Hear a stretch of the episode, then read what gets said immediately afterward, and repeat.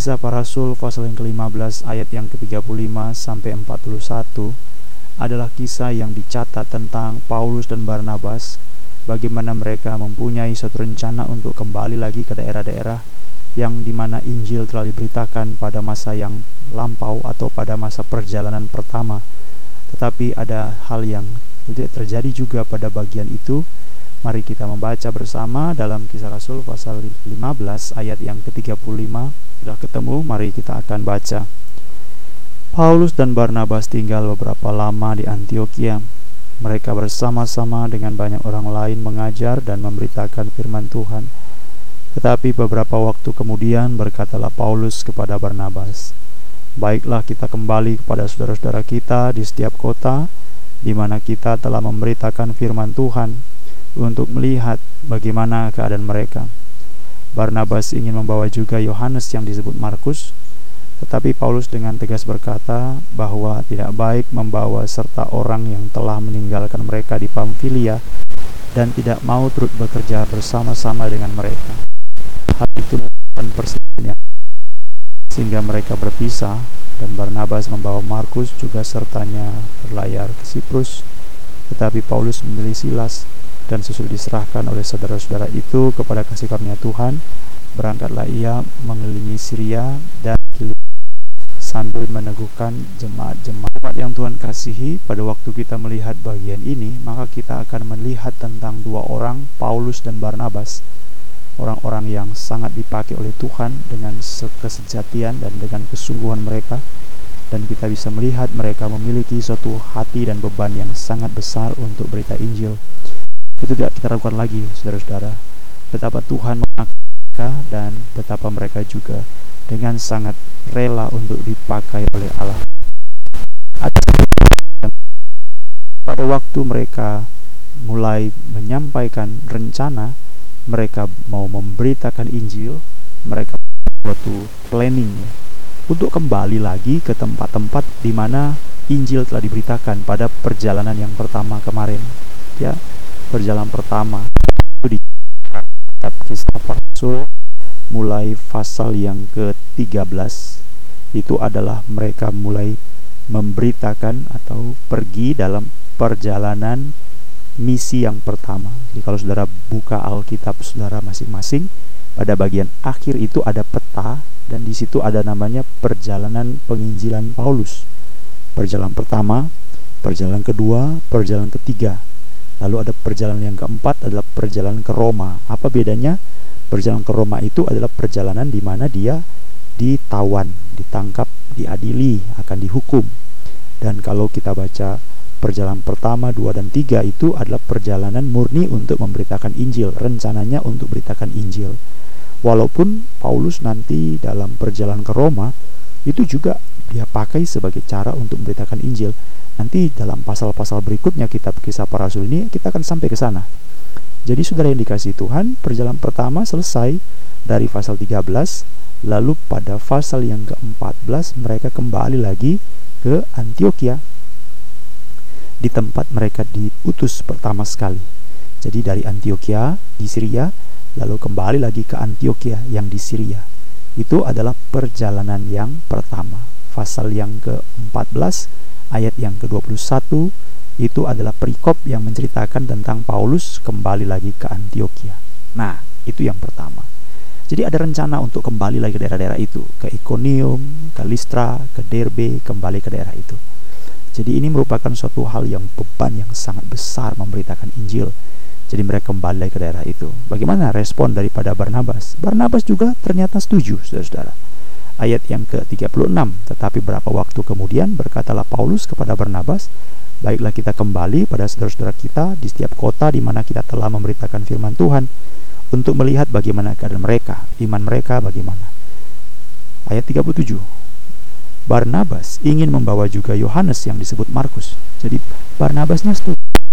Tapi yang terjadi di sini, saudara-saudara, yaitu Barnabas bersikeras tahu Barnabas ingin punya rencana untuk mengikut sertakan lagi yang namanya Markus ya. Siapa ini Markus ini atau Yohanes Markus namanya ya. Siapa orang ini? Nah, orang ini adalah orang yang pernah mengikuti atau menyertai pelayanan Paulus dan Barnabas Itu sebelumnya pada waktu perjalanan pertama dia ikut dalam perjalanan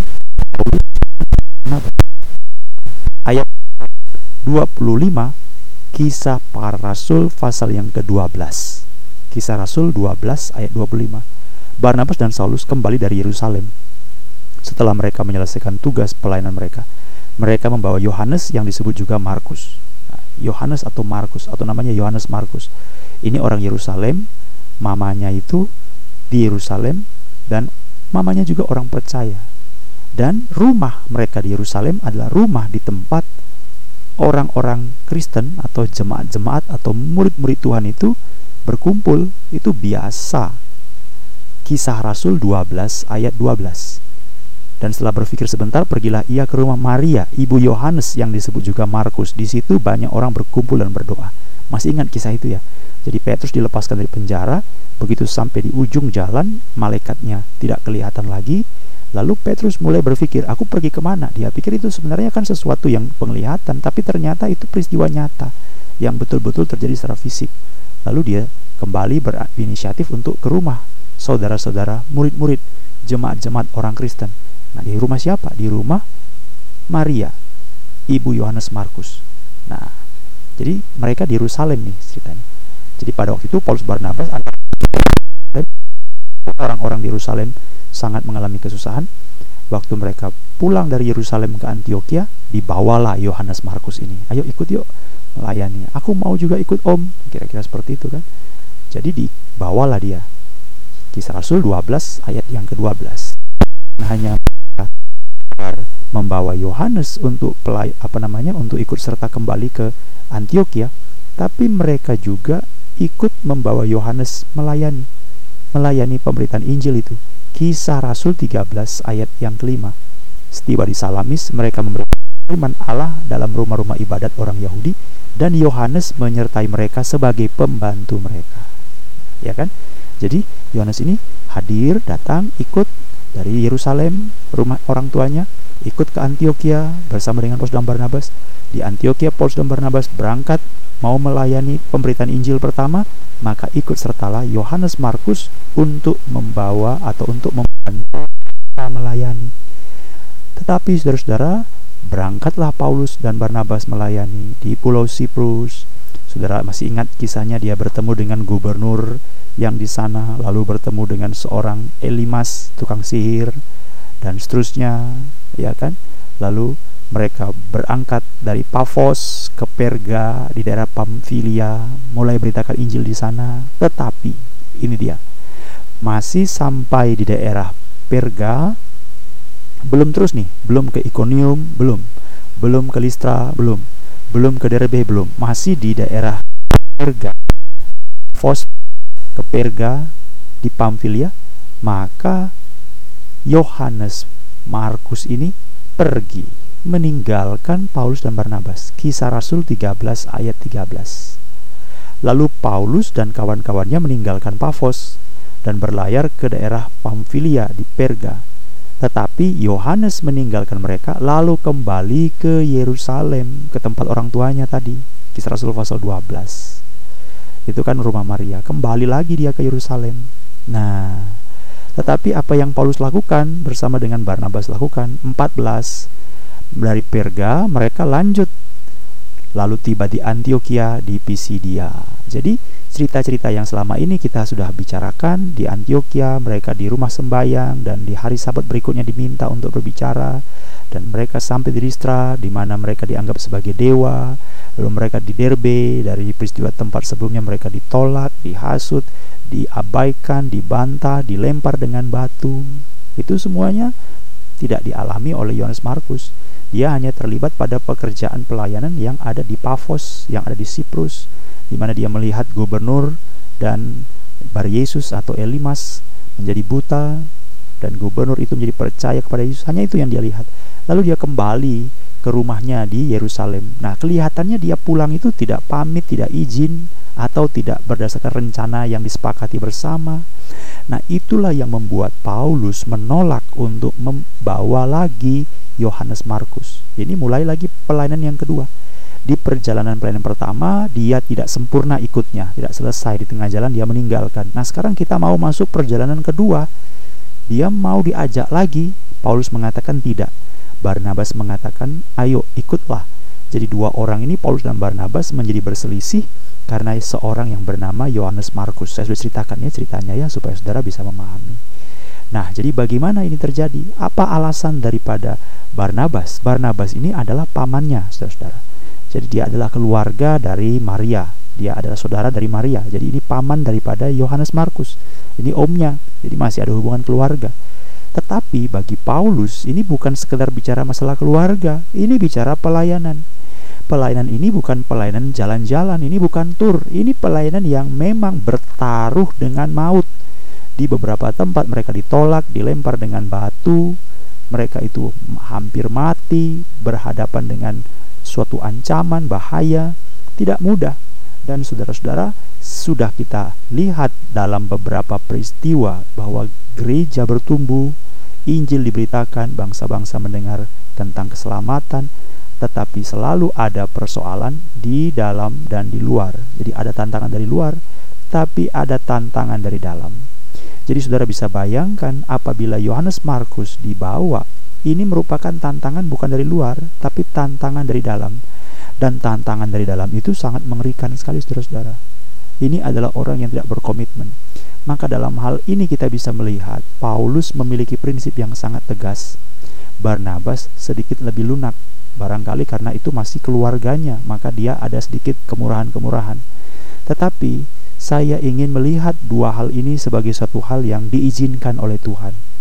Jadi kita tidak berbicara siapa benar siapa salah karena bagaimanapun jika kita bicara benar atau salah maka sebenarnya kita menjadi orang yang terlalu maju dalam memikirkan segala sesuatu karena itu kita selalu dipikirkan program benar salah benar salah. Enggak. Sekarang mari kita lihat apakah ini berkenan kepada Allah karena nanti persoalannya adalah tahan uji Saudara-saudara. Coba kita baca dalam 1 Korintus pasal yang ke-13 misalnya ya. Jadi saudara memang perpecahan itu akan ada tetapi persoalannya ini bukanlah pada siapa yang benar, siapa yang salah, tetapi ini persoalannya adalah tahan uji. Jadi 1 Korintus pasal yang ke-11 maaf, ayat yang ke-19. Sebab di antara kamu harus ada perpecahan, supaya nyata nanti siapakah di antara kamu yang tahan uji. Nah, kalau berbicara masalah tahan uji, maka kita melihat Paulus memang berhasil melewati segala ujian-ujian ini dengan sangat indah sekali saudara-saudara. Karena setelah kita melihat Barnabas melayani daerah Siprus, maka kita tidak menemukan lagi berita yang lebih jauh tentang itu. Tetapi waktu Paulus dia mulai melayani, maka kita melihat perjalanan Paulus itu bukan hanya berhenti. Ini kan ceritanya kalau kita baca pasal yang ke-15, maka Barnabas dia pergi ke Siprus, ya. Barnabas dia pergi ke Siprus pasal yang ke-15 ayat yang ke-38 sampai ayat 39 mereka ke Siprus, tetapi Paulus berangkat ke daerah Kilikia, saudara-saudara berdang, ber, ber, berangkat ke sana. Dan kalau kita lihat memang perjalanan Paulus yang terus dicatat, terus dicatat, terus dicatat, terus terus terus dicatat. Tetapi kita tidak bicara masalah benar salahnya, tapi misalnya tahan ujinya. Dan nanti memang pada bagian terakhir kita lihat bagaimana Paulus juga akhirnya mengundang Yohanes Markus, tapi nanti kita tidak akan bicarakan pada bagian selanjutnya. Hanya saja saudara-saudara, kita belajar untuk melihat dalam segala sesuatu yang terjadi ini. Memang ada hal yang akan meminta ujian demi ujian. Dan inilah merupakan butuh hikmat bijaksana daripada firman Tuhan. Jadi apakah dalam hal ini Paulus menjadi berdosa? Tidak. Jadi walaupun dia dengan tegas menolak untuk tidak mengikut sertakan Yohanes Markus dalam pelayanan itu, apakah itu menjadi dosa? Tidak. Demikian juga saudara-saudara Barnabas. Jika Barnabas ingin membawa Yohanes Markus silahkan, tetapi dia tidak memiliki suatu kesempatan untuk apa? Untuk berangkat lagi dalam perjalanan yang lebih luas lagi untuk memberitakan Injil ke berbagai-bagai tempat. Nanti kita akan lihat bagaimana Paulus juga sampai ke daerah Galatia, ke daerah Filipi, ke daerah Athena, ke daerah Yunani dan Barnabas tidak lagi ikut, tidak lagi mendapat keistimewa berita kesempatan istimewa untuk sampai ke sana. Jadi kita bisa melihat kenapa ini semua karena kita sangat lembek, sering kali karena sangat lembek. Ini adalah pekerjaan Injil yang memerlukan kekuatan ketahanan. Jadi kalau Alkitab menceritakan bahwa kita ini sebagai orang-orang percaya itu sebagai apa, saudara-saudara? Sebagai garam. Garam itu tidak dipengaruhi, tidak boleh menjadi tawar, tidak boleh, tapi dia harus memberi rasa, memberi pengaruh. Demikian juga kita sebagai terang. Kadang-kadang kita di gambarkan juga seperti ikan. Ikan itu apa? Ikan itu berada di tengah-tengah air asin, tetapi dia tidak menjadi asin. Kalau ada ikan asin itu karena diasinkan, dikasih garam, dan itu pun bukan di laut dia. Lalu kadang-kadang Tuhan menggambarkan kita seperti pokok anggur. Kadang-kadang Tuhan seperti apa namanya pohon anggur ya. Kadang-kadang Tuhan menggambarkan kita juga seperti uh, prajurit, seperti petani. Jadi semua gambaran-gambaran itu adalah gambaran-gambaran bukan sebagai gambaran yang dipengaruhi, tapi gambaran yang memberikan rasa, bukan gambaran yang nikmat atau gambaran yang sesuatu hal yang tenang, tidak, tetapi gambaran-gambaran yang harus menyadari bahwa begitu kita percaya kepada Yesus, kita berada dalam peperangan rohani.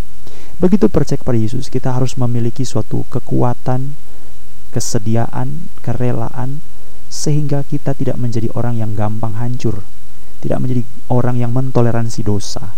Jadi renungkan dan baca ulang lagi bagaimana Barnabas dan Paulus boleh mengalami perselisihan dan perbedaan tentang seorang yang bernama Yohanes Markus yang tidak yang mungkin masih terlalu muda meninggalkan mereka, tidak menyelesaikan pelayanan itu, tapi mau ikut lagi.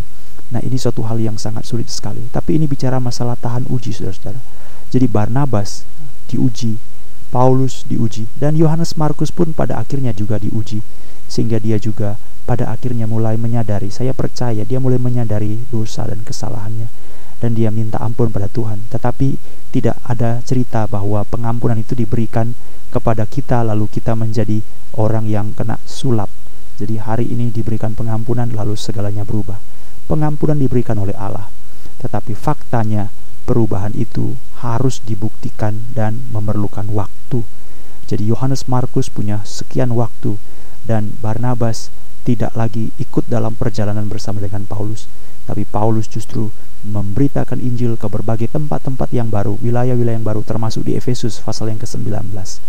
Dan itu semua adalah bukti bahwa orang-orang ini semua memang sedang diuji oleh Tuhan. Jadi biarlah saudara belajar dan berserah karena saudara juga akan mengalami ujian-ujian untuk membuktikan kemurnian iman dan kesediaan pelayanan kita. Mari berdoa.